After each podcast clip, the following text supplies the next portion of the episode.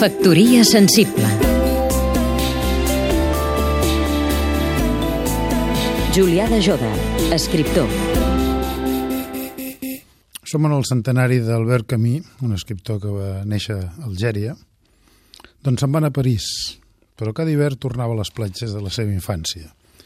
Sidi Ferruig, la Madraga, Estauelí...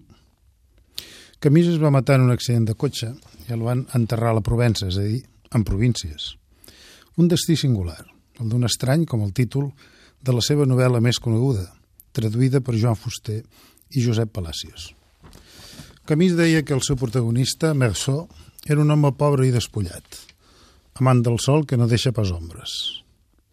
En plena guerra d'Algèria contra el colonialisme francès, va dir que quan la violència respon a la violència en un deliri que s'exaspera i fa impossible el llenguatge senzill de la raó, el paper dels intel·lectuals no pot ser excusar de lluny una de les violències i condemnar la de l'altra, perquè això indigna fins al furor el violent condemnat i empeny més a la violència el violent exonerat de culpa.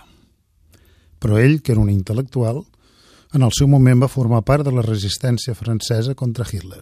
M'agrada el que va escriure William Faulkner en homenatge a Camí. Diran que era massa jove per morir, però la qüestió no és pas quant de temps ni quina quantitat, sinó senzillament què. Un dels desafiaments d'ara mateix aquí, a casa nostra. Factoria sensible Seguim-nos també a catradio.cat